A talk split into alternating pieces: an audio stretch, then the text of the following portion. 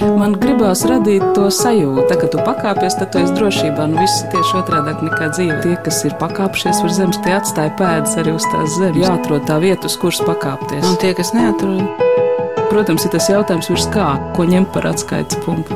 augstāk par zemi. Augstāk par zemi. Augstāk par zemi.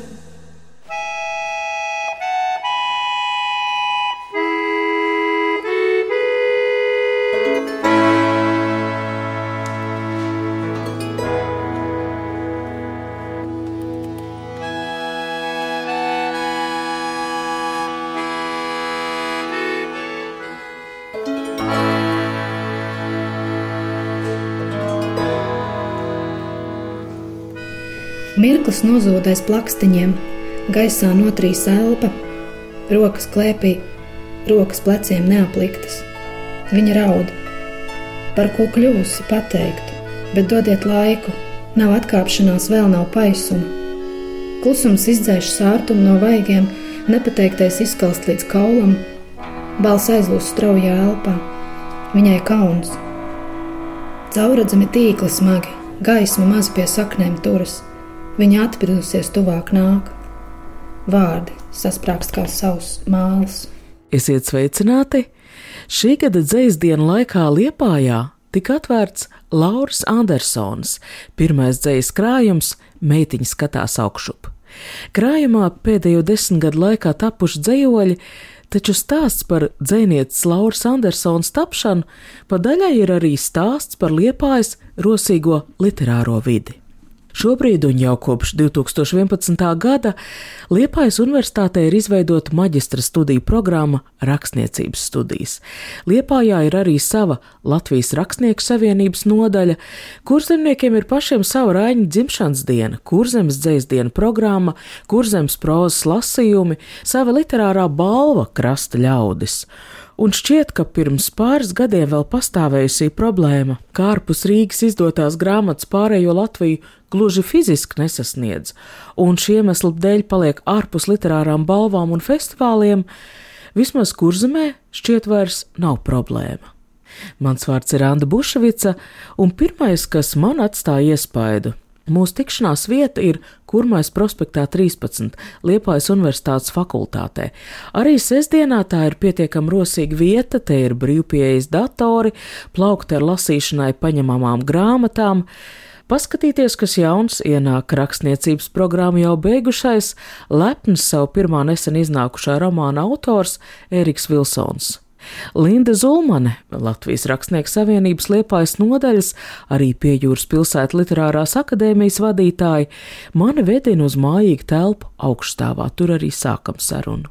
Tad izstāstiet, kas šī ir pa telpiņa, kur mēs šobrīd esam satikušās. Šobrīd mēs esam satikušās Latvijas Rakstnieku savienības liepājas nodaļas telpā. Liepājas Universitātes humanitāro un mākslas zinātņu fakultātes ēkā. Mums jau vairākus gadus ir šī telpa, kurā tad arī Liepājas rakstošie ik pa brītiņam sanāk kopā, strādā pie projektiem. Lauris Andersons dzējas krājums Meitiņa skatās augšup ir viens no šādiem projektiem. Un jūs esat viena no šādu projektu vadītājām. Nu, principā es esmu tā, kura ik pa brītiņam kādu no tiem, kuri raksta, mudina, ka vajag grāmatu. Es pati nerakstu. Es pati esmu universitātes pasniedzēja. Es mudinu citus, ka vajag grāmatu. Tā mēs iepriekšējā gadā izdevām Gunitai Bokai grāmatu. Man liekas, ka kārta ir pienākusi Laurai Andersonai, kur raksta ilgstoši jau cik gadus. Ja tā paskatās, jau daudz, vai ne? Daudz gadus, un, un, un tad man liekas, ka tas ir nākamais projekts. Pirmkārt, jau iegūt šo finansējumu, un tad, protams, veidot komandu, redaktors, mākslinieks, maketētājs, autors. Meitiņa skatās augšup. Kā sapratīšu to tālākajā sarunā, ir kopdarbs. Krājuma redaktors Jānis Eglis, mākslinieks ir dzēnietis dzīves biedrs Mārtiņš Andersons un, protams, Linda Zulmane. Parasti to dara izdevniecības, izvēlas autoru un ar visu to nodarbojas. Kāpēc Liepājā, vai precīzāk jāsaka, kurzemē šajās piejūras pilsētās ir mazliet atšķirīga situācija? Šeit nav izdevniecība. Nē, izdevniecības ir. Tikai man liekas, ka nav tas dzinējspēks, nu, tas, kurš mudina, tas, kurš saka, vajag. Jo autors bieži vien ir tāds introverts, kurš raksta, bet kurš neiet ar to savu darbu visur pa priekšu. Viņš gaida, ka viņam būs kāds, kas viņam palīdzēs to izdarīt. Nu, tad es esmu uzņēmusies, jā, kaut ko tādu arī darīt. Mūsu sarunā klātesoša jau ir arī Laura Andersone. Esmu sagatavojusies, izlasījusi viņas biogrāfijas īso versiju, tik daudz es zinu, kā arī viņa ir beigusi Liepājas universitāti, apgūst latviešu valodas un literatūras, kā arī angļu valodas pasniedzēja specialitāti. Mācījusies arī Rakstnieku savienības literārajā akadēmijā dzejas rakstīšanu pie Andra Akmentiņa. Ziniet, šī māja bija arī jūsu mācību iestāde? Šī māja Tad, kad es studēju tajā laikā Liepājas akadēmijā, šī nebija mana ēka. Šeit es nācu jau uz nodarbībām pie Jūras pilsētas akadēmijā, Literārajā akadēmijā. Tad nu, šī ēka ir tā, ar kuru es arī esmu augusi tieši šo literāro akadēmiju nodarbību dēļ. Un tas vairāk vai mazāk vienmēr ir saistīts ar tekstu, ar dzēju, ar literatūru. Bet cik sen jūs rakstāt dzēju? Nu, protams, man ir kaut kāda dzējoļa rakstīta arī bērnībā atzīšos. Bet tā tiešām nopietnāk tieši studiju laikā, kad es studēju. Lasot tekstus, kas bija tas impulss? Kas bija impulss? Impulss bija tas, ka literatūra kā tāda ieņem ļoti lielu lomu manā dzīvē. Man ļoti patīk lasīt. Es tajā pasaulē kaut kā ienirstu, pazūdu. Šis veids varbūt man piesaistīja. Man šķiet, ka citādākā veidā es sevi tā kā nevaru paust, ka es varu uzrakstīt. Bet šie sākotnējie teksti bija tādi dienas grāmatveida teksti, lai arī dzējoļu formātā tāda emocija norakstīšana no sevis nost, atbrīvoties no kaut kā, kas liekas, ka vai nu liekas, vai nu kaut kā citādi tev ir iespaidojis. Un tos tekstus es nekad īpaši nevienam nerādīju. Man nebija arī nekāds vēlms dalīties, rādīt, vispār pat arī tā teikt, ka es to daru. Arī šajā krājumā ir dzējoļi, kas atgādina vēstules, kas atgādina dienas grāmatas šis garais dzējols, šī vēstule, tas starp citu ir literārās akadēmijas ietveros pildīts, tā kā var teikt, uzdevums. Mums bija jāraksta teksts kā vēstule, un tad, nu, šis teksts radās uzdevuma rezultātā. Nu, varbūt, ka sākam lasīt. Pēc kā ārēleidas pilsētu dedzināšana motīviem. Sveiks, Vova! Tu klusē, vijola arī, un kas te ņēlā nav kā agrāk. Gribētos ar tevi uzspēlēt šahu tur koridorā uz parketa grīdas, tik augsti. Kāpnēm šķiet divreiz vairāk pakāpienu, māņu melodijas svešas. Vai tu zinātu, kuru baletu viņi iestudēs šoreiz? Baltā kaķa vairs nav. Graudu elevatoram joprojām ir salūzušas kājas. Nevar būt, ka tanki patiesi ir dziļi zemē. Baltmais tagad tik sausa. Nereiz neesmu bijusi preču stacijā, vairs ne. Lokomotīvas tukšām acīm ērmīgi raugās, gaļas pīrādziņi tagad sprūst kaklā, pat silti. Sapnī mēs ēdām vakardienas uzsildīto boršķu. Tās vectās mums spēlēja pianīno. Tur bija rakstīts Sanktpēterburga, nevis Ļeņingrada. Redzēju tavu kuģi baltu neļķi jūrā. Tev galvā bija vecstāva cepura un žakete ar uzplečiem. Man no tā baltuma sūrstēja acis. Dzirdēju, tīnačka dziedi, tu taču māki dziedi. Kapitān, kapitān, saņemieties!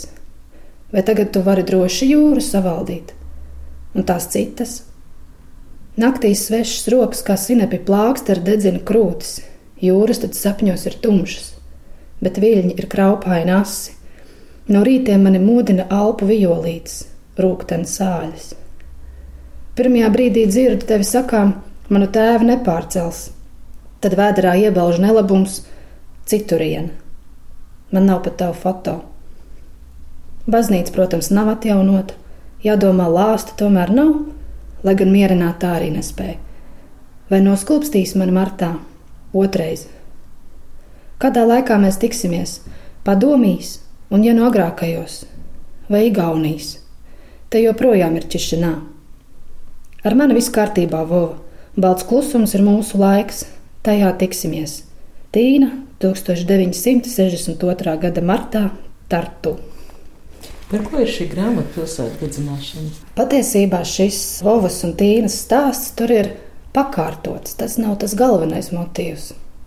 Tur ir vairāk par Tīnas tēvu, par viņa ģimeni. Kaut kā tad, kad es iegāju šajā viņu Vovas un Tīnas stāstā, Man pat ir kaut kādas detaļas pazudušas no tās pārējās grāmatas, kas tur ir, bet tur bija par tāds dzīves skarbums, azartspēles, vēl tur tas laikmeta visas iezīmes. Un, un kaut kā tad, kad radās šis uzdevums akadēmijā, rakstīt vēstuli, man likās, kur man atrast tādu materiālu, tā kā vielu šim tekstam. Un es necik sen tieši biju pabeigusi šo grāmatu lasīt. Man liekas, kā, bet tagad tie jaunieši, viņi taču ir šķirti. Nu, tas ir tāds, tāds it kā ļoti tāds atpazīstams modelis, kādēļ cilvēks rakstītu vēstuli, kādēļ viņam atklāt sevi vairāk nekā ikdienas tādā sarunā.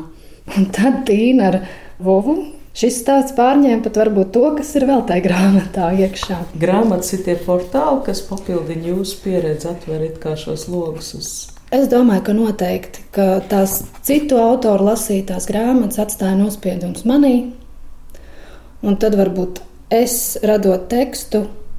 Ar savu tekstu atstāšu nospiedumu kādā citā cilvēkā, lasītājā. Sarunā pirms intervijas jūs divreiz uzsvērāt, ka tikai pagaidām, tikai pagaidām, bet eh, jūs strādājat bibliotekā šobrīd.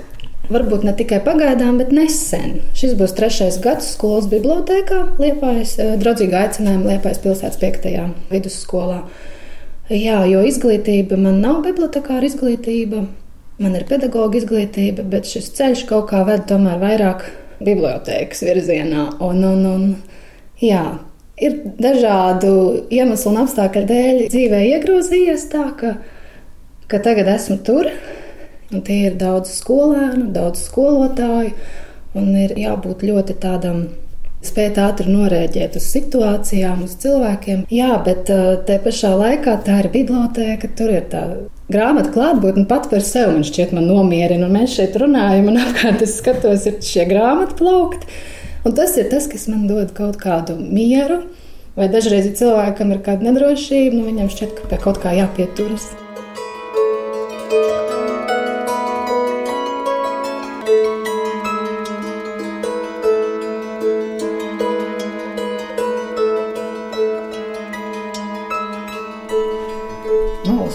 Kas uzšķīrās. Mūsu āda ir brezents, lāsts ir viņu svārsts, izaug no tevis tumsa, piedzimst pasaules bērns, mūsu āda ir brevijārs, izpilda bailes un nolaižas klusums, zāles ar sirdspūksti dikti. Nāv kā smilšpapīrs noskrāpēs vātis un paliks tu un krampjaini pirksti. Āda ir brezents uz viņa acīm, brālis ir brāļa lāsts, pasaule elpo svinu, kur izaug mirušo bērns un piedzimst savējā tumsa. Palikt vienotā asinsritē ir dzīvot pēc piesaukšanas. Un šis, nu, lūk, ir teksts, kas reālie notikumi, kā atstāja varbūt iespēju uz mani, šie nospiedumi. Šis ir, manuprāt, bija 15. gadā šie terorakti Parīzē, Francijā, kas notika.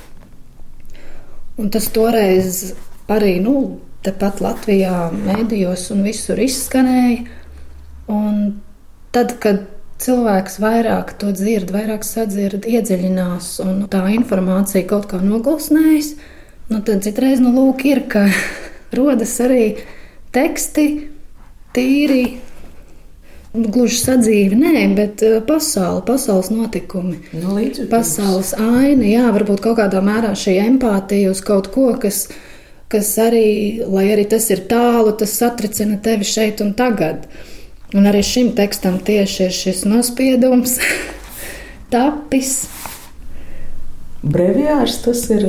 Lūk, tas gan ir katoļu lūkšana tāda grāmata. Oh. Jā. Redzat, jums man tas jāizskaidro. Es kaut kā. Jau aizmirsušies šie vārdi. Jā. Jūs pat esat ticīgs cilvēks. Es biju, jā, es esmu.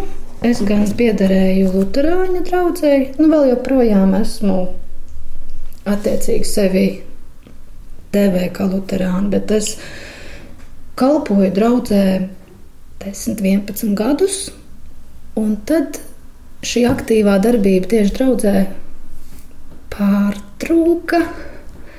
Kā lai to pasakā? Jā, nu, biju draudzē, šobrīd neesmu nevienā draudzē. Jā.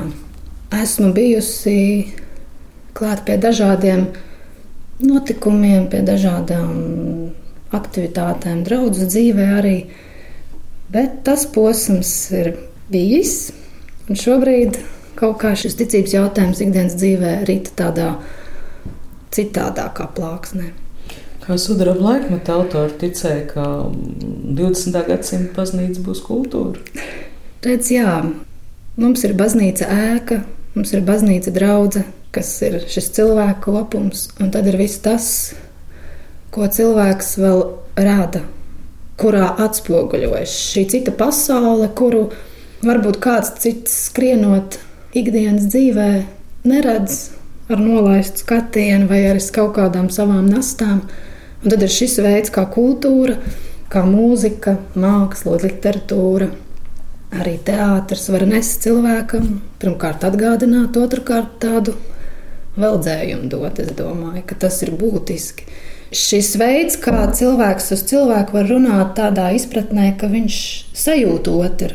Otrs ir svarīgs. Es dzirdu, es sajūtu, un kaut kādu to saikni savā starpā iegūt. Tāda empātija tur, kur, tur, kur varbūt kādam kaut kas trūkst. Arī šis cilvēku dialogs savā starpā, es domāju. Bērni akmeņu pilnām kabatām, bērni no manas ielas, izbirst kā zirņi un izripo sietam cauri. Ausis ir tukšas pākstis. Bērni akmeņu smagām sirdīm, bērni no manām mājām, Klauvē pie svešām durvīm dzirdēt var tikai dūris. Bērni ar akmens pelēkām sejām, bērni no vienām saknēm, dzen smalkas sīkstas dzīslas, zemju neaptraipītas. Tas arī ir par kādu konkrētu māju. Nē, šis man šķiet, nē, par konkrētu māju man ir divi cikli - Vējš pār upi un Ventspils postscriptum. Viena kopa ir tapusi, lai piedalītos konkursā. Ventspils rīko savā pilsētas jubilejā rīko literāro konkursu 724, 25, nu, kura jubileja jau viņiem ir vārda Ventspilī. Un mani pamudināja tie paši domu biedri, radošie kolēģi Saka, bet ir Ventspils rīko konkursu, tev taču vajadzētu piedalīties. Nu, vajag pamēģināt, vajag um, skatīties, kas sanāk. Un tad nu, tapa viena no šīm dzīslu kopām, kuru iesūtīju šim konkursam. Kā rezultātā es ieguvu rakstnieku un tulkotāju mājas spēcbalvu. Un es ieguvu kā balvu nedēļu dzīvot rakstnieku mājā. Un tas arī bija tāds kolosāls laiks. Nedēļa šādam mērķim ir salīdzinoši īss laika periods, bet tur tomēr tapa šī otra Vēncpils kopa, vējš pār upi. Un tad nu, ir šī sasaiste, es esmu tāds tīrs liepainieks un izjūtu, ka nu, sevi šī pilsēta ir mana. Bet tā, nu redz, tie tīkli aužās tālāk, un ir šī sasaiste arī ar Vēncpilu, kur mēs arī literārās akadēmijas ietvaros ar rakstniecības studentiem braucam vienreiz gadā uz divām dienām uz rakstnieku māju, piedalīties eh, tajā brīdī esošo autoru kaut kādās diskusijās, semināros un tādās aktivitātēs. Jā, tā kā Ventspēlī un rakstnieku mājai arī ir sava liela loma. Rīts kā balta muša nolaižas uz nokvēpušiem debesu griestiem. Dzirde ir vējš pār upi, pār jūru, dzirde ir krasta vējš, un zilā govs izdzer ostu pie mola, un zilā govs pieraud jūras straumes, kā balta muša ieķīps odrē griestos, rīts nokristīts. Bet es klausos, ka jums ir svarīgi šie izaicinājumi. Uzdevumi, konkursi. Es pat neteiktu svarīgi. Es domāju, ka tas nāk no tā, ka es tiešām esmu diezgan rakstīšanas ietvaros tāds ļoti introverts cilvēks.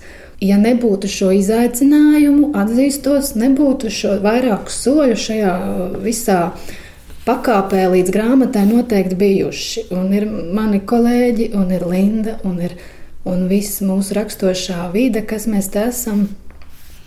Tiešām daudz likuši izaicinājumus, mudinājuši.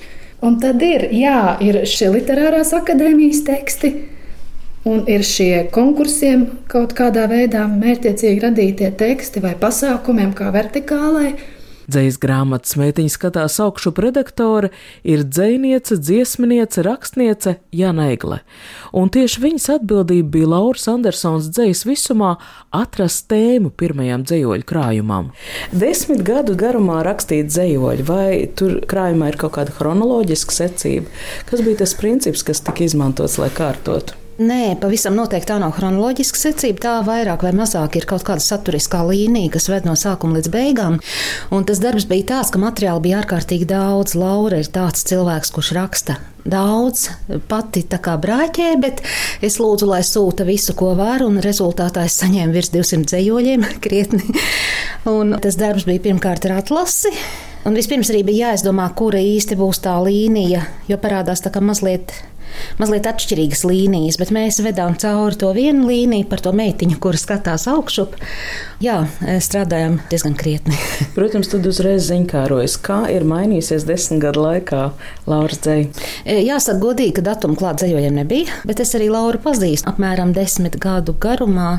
Un tieši tā arī ir, kā es varbūt uz vāka esmu uzrakstījusi, ka es jūtu gan šo iešanu plašumā, gan dziļumā un, un augstumā. Jā, ka viņa tiešām viņa kļūst kaut kādā ziņā vērīgāka un bagātāka attieksmēs pa to laiku, kamēr viņa raksta. Ar ko īpaši ir Laura Andersone? Kas viņas dzēju atšķir no citiem? Tur ir ļoti daudz pārdomu un kultūras atsauču un mēģinājumu tās visas sameklēt savā realitātē tās lietas, par kurām liek eh, domāt, varbūt bibliskās lietas vai dažādas lasītās lietas un dažādas piedzīvotās lietas, meklēt savā realitātē kā es ar viņām saskaņojos. Manuprāt, tas ir ļoti, ļoti būtiski Lauras ceļā. Saruna ar Jānu Eglu arī bija impulss.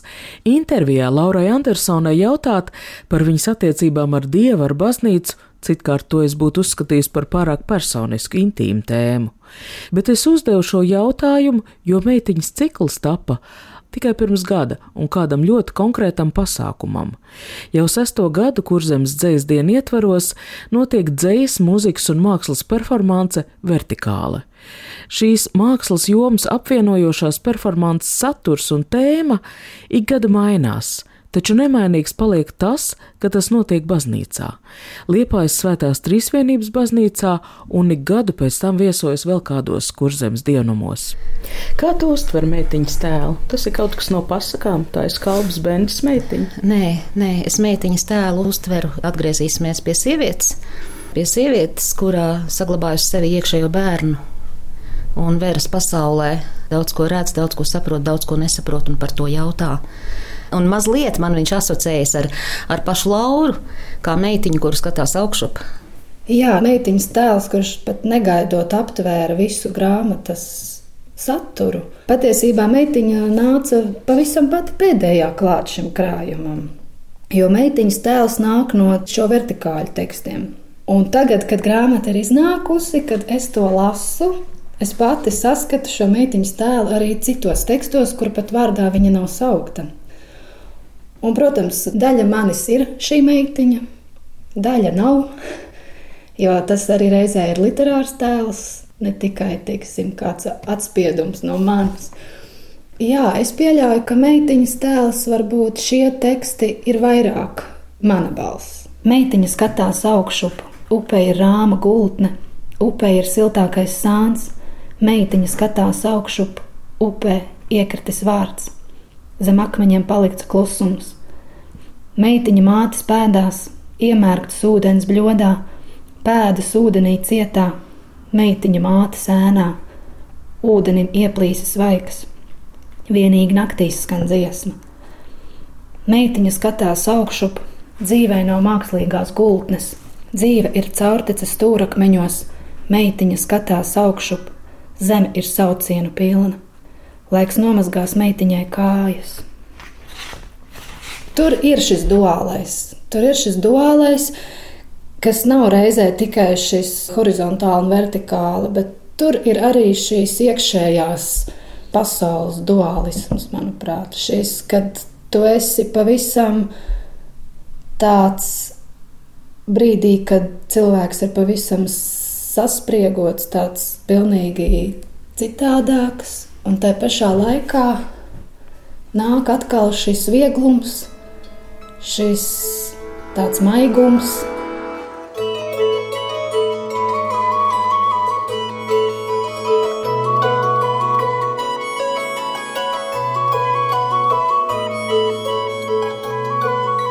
Meitiņai balta kleita, meitiņai melnas pēdas, attirst kruzuļi upes viļņiem, notrūks stikla podziņas, meitiņai balta kleita. Kam viņa meita? Kāšrožu vainadziņš, notrūcis selpai valdziņš, attirst lencītes, rišas un volāni, attirst ribotie meitiņas sāni, sajust rožu vainadziņš. Kam viņa meita? Stikla šķēpeles pārgriež mūžu, 12 baltus gadus meitiņai saplaisā bālās pēdas, grantainas dienas izvirst, stikla šķēpeles sagriež mūžu. Viņa ir meita. Jūs šos dzējoļus rakstījāt, gatavojoties vertikālai. Jā, Tad tie tika rakstīti, apzinoties, ka tiks lasīti baznīcā. jā, Tiem ir kāds sakars ar, nezinu, vertikāli, ar dialogu ar Dievu. ir. ir. Arī tas šajos tekstos tas noteikti ir. Mums bija katram dots savs uzdevums, un šī vertikāla, šie dzīslas lasījumi sastāvēja no vairākām sadaļām, kā iet dievkalpojums, kam iziet cauri cilvēks, kurš piedalās dievkalpojumā. Kura dievkalpojuma sadaļa tādā gadījumā jums izkrita? Man bija lūkšana. Šie dzējoļi, ko jūs nu pat lasījāt, bija lūkšana, Tā varētu teikt, jā. kurā nav uzrunas, kurā nav pozitīvās programmas kaut ko lūgt. Jā, Tad kas viņus padara par lūkšanu? Kas rada šo līdzību jūsuprāt? laikam lūkšana, tīri pat manā izpratnē, ir šis dialogs, ir šī saruna. Jo lūkšana nav, tas jau nav vēlmi pieprasījums īsti. Tā ir šī izlīdzināšanās, kur ir radusies kāda neplaisa vai brūce. Ir vajadzīga šī izlīdzināšanās, un tas ir tas, kur tu atveries. Jo manā izpratnē lūkšana laikam nav šis vēlmju pieprasījums, bet eh, vēlme tikt uzklausītam, tikt sadzirdētam. Viļņi pieņem augumā, meitiņas krūtīs, izvirst sāpe pēc sāpes, viļņi pelēkā kuplumā, atplēš vātis, meitiņas krūtīs vaina. Viļņi aug augumā, meitiņas krūtīs zemes šaurums, viļņi kraupaini plēš, brūce pēc brūces raso, meitiņas krūtīs vaina. Viļņi līdz septītam augumam, ūdens mutē smeļas, pelēkas biezs ūdens straumēs bango, meitiņas krūtīs vaina. Nu, meitiņa tā tad tā ir kaut kāda piederība kaut kam. Tā ir kaut kāda pēctecība, tā ir kaut kāda saikne ar to, kas ir bijis un pagātne, kaut kas ir arī tagadne, un kaut kas iespējams būs nākotne. Un tad savijot šos tādus, nu, tādus, tādus monumentālus vārdus, tos jēdzienus savijot kopā, tad varbūt tas ir šis tēls ļāva man runāt tā, lai paustu, ka man ir svarīga šī sasaiste. Šī sasaiste ar to, kas ir bijis un ar to, kas būs, un ka galu galā kaut kādā brīdī jau ir šis te, šeit un tagad. Mēs nevaram izkāpt, jo kas bija, bija, un ko tu ar to dari. Un to nākotni jau tikai tu veido. Un tad, ko var meitiņa, ja viņas bagāža nu, ir tāda, kāda ir, ko viņa var izdarīt tagad, lai kaut kas arī notiktu nākotnē.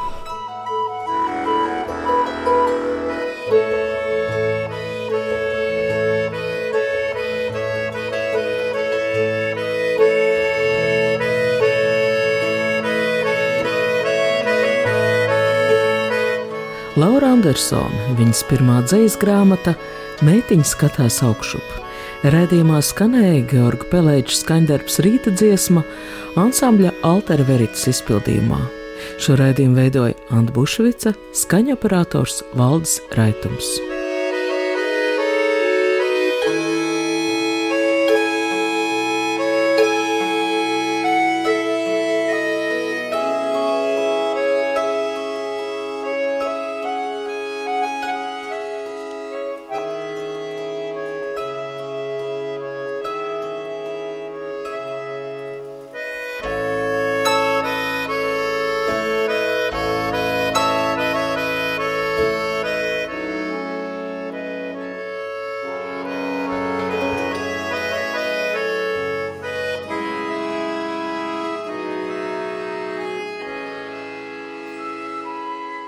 Tā kā tu pakāpies, tad tu esi drošībā. Nu, viss ir tieši otrādi nekā dzīve. Tas ir tā spēle, jā. Tie, kas ir pakāpšies virs zemes, tie atstāja pēdas arī uz tās zemes. Protams, ir tas jautājums, ko ņemt par atskaites punktu. Nē, nu, principā ir skaidrs, augstāk par zemi. Jāatrod tā vieta, uz kuras pakāpties. Augstāk par zemi. Augstāk par zemi. Augstāk par zemi.